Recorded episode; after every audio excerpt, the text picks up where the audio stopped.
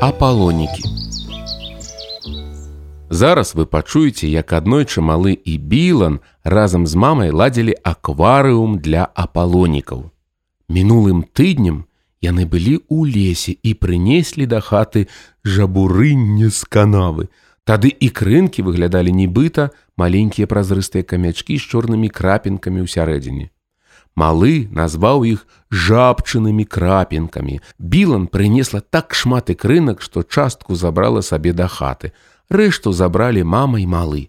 Зараз і крынкі ўжо падраслі, і ў іх з'явіліся хвосцікі. Калі яны віхлялі імі, атрымлівалася, што яны плылі. Гэта былі ўжо сапраўдныя апалонікі. Зранку малы прачнуўся і заявіў: « Я хачу пайсці на двор ды паглядзець на апалонікаў. Апалонікі плавалі ў вядры побач з прыступкамі ў стары дом.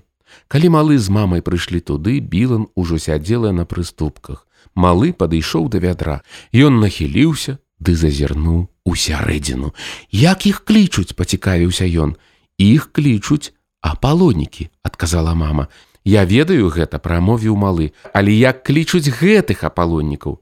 Ты такі смешны малы, сказала мама. Тут плавае амаль 100 апалонікаў. Яны плаваюць нібы стрэлы. Увесь час туды і сюды вельмі цяжка назваць апалонікаў, якія плаваюць у вядры. А я магу, запярэчыў малы, запусціў руку ў вядро і выцягнуў адтуль аднаго апалоніка. Цябе клічуць Альфред, абвесціў ён. Альфред выслізнуў з рукі, ён боўтнуў хвосцікам і паплыў разам з іншымі апалонікамі ў вядры. Малы нахіліўся над вядром. Хто хоча, каб яго клікалі уга, запытаўся ён і выцягнуў яшчэ аднаго апалоніка. Апалонік махнуў хвосцікам і падплыў да пальца малога. Не, сказаў малы, толькі не ты. Чаму не здзівілася мама. Гэтага ўжо клічуць Альфред патлумачыў малы. Я пазнаў яго, я не назову цябе уга, цябе ўжо клічуць Альфред. Малы паказаў пальцам на іншага апалоніка. Цябе клічуць уга, паведаміў ён. Уга не паплыў прэч. Тады я назову цябе уга яшчэ раз прыдумаў малы. Цяпер цябе клічуць уга уга.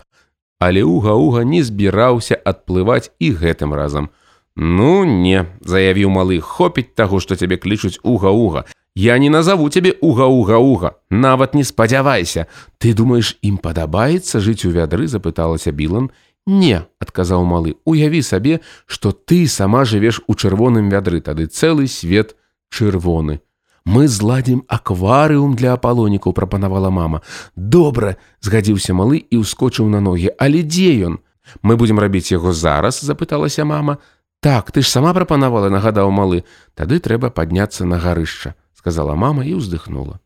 На гарышчы ляжыць столькі рэчаў, што аказалася не так лёгка знайсці акварыум. Ён быў вялікім, сходы на гарышча былі вузкія і вельмі стромкія. Не хвалюйся, мама, я дапамагу табе несці акварыум, супакоіў малы маму. А я хвалююся за цябе, патлумачыла мама. Лепш я панясу акварыум сама, але я не бачу прыступак, подказвай куды мне ставіць нагу мама трымала акварыум акуратна акуратна і спускалася прыступкамі асцярожна асцярожна яна падымала нагу і спускалася на одну прыступку ніжэй стоп раптам закрычала білан кот мама спынілася з паднятай нагой малы глядзеў акурат на яе ты ледь не наступила на кота прамовіў ён кот напэўна пабачыў што дзверы на гарышча адчыненыя і заскочыў туды сказала Білан. Мама ўся пачырванела. Кот ужо спусціўся, запыталася яна. Скажыце, калі я магу апусціць нагу. Ужо можаш апускаць, дазволіў малы. Кот ужо даўно спусціўся. Ну тады выдатна усцешылася мама. Мама цяжка дыхала, бо складана стаяць на адной назе на вузкіх ды стромкіх сходах на гарышча. Асабліва з вялікім акварыумам у абдымку. Мама апусціла нагу і спусцілася прыступкамі. Яна занесла акварыум у сад. Потым яны апранулі боты, узялі вёдры і тачку ды пайшлі да возера. Усю дарогу трэба было спускацца з гары. Яны зайшлі ў ваду і сарвалі багавіння са дна возера. Яны набралі крыху пяску. Мама наліла азёрнай вады ў вёдры. Яны таксама ўзялі са дна камянёў.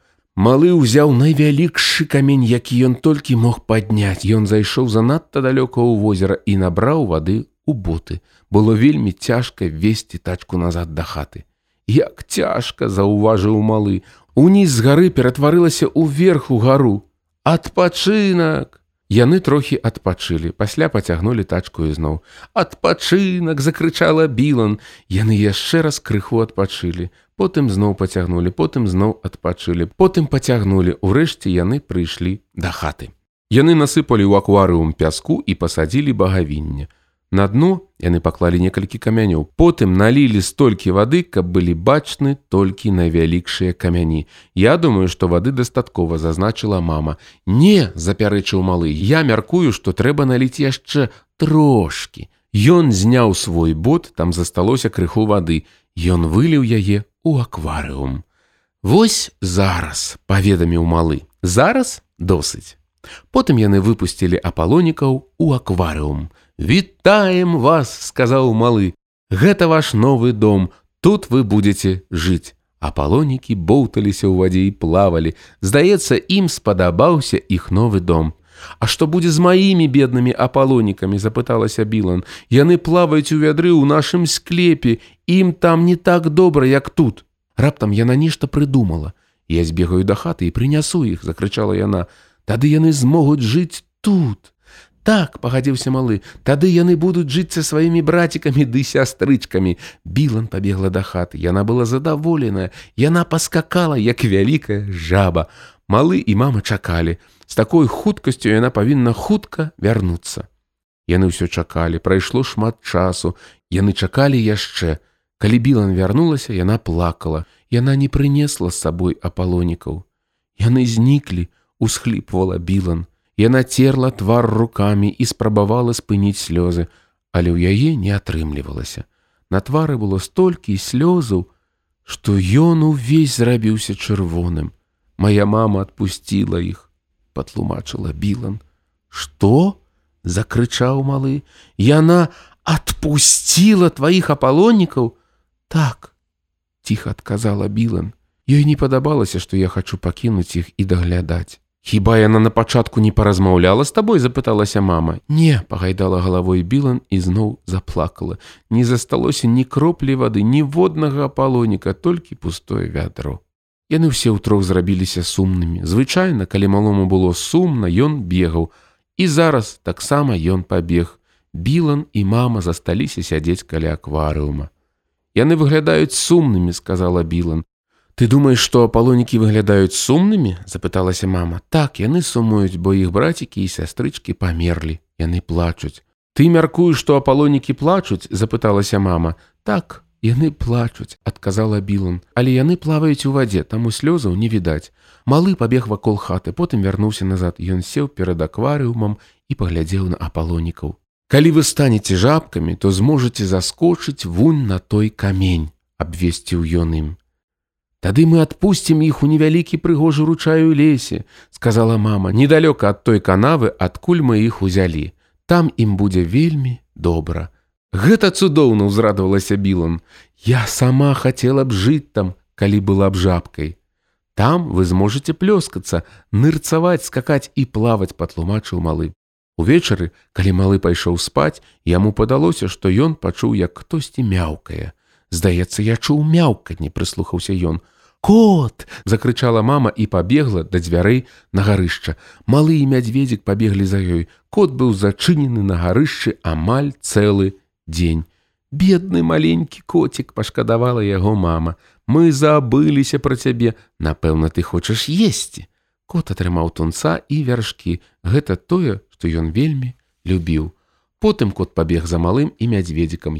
Ён заскочыў на ложак і пачаў умывацца. Ты можаш заставацца спаць з намі, калі хочаш, прапанаваў малы. Кот уладкаваўся каля ног малога. Малому вельмі падабалася, пакуль ён не паварушыў пальцамі. Тады кот скочыў на пальцы і пачаў гуляцца. Асцярожна мядзведзік папярэдзіў малы, ляжы ціха, Інакш кот падумае, што ты хочаш гуляць з ім, тады ён ніколі не засне. І яны абодва ляжалі ціха даволі доўга. Пакуль у малога так моцна не засвярбелі пальцы, што ён быў вымушаны паварушыць імі, але кот ужо спаў. Цяпер ты можаш зноў паварушыць пальцамі, прашаптаў малы мядзведзіку. Кот ужо заснуў. і яны ляжалі ў ложку і варушылі пальцамі. Абодва выглядалі вельмі задаволенымі і малы і мядзведзік.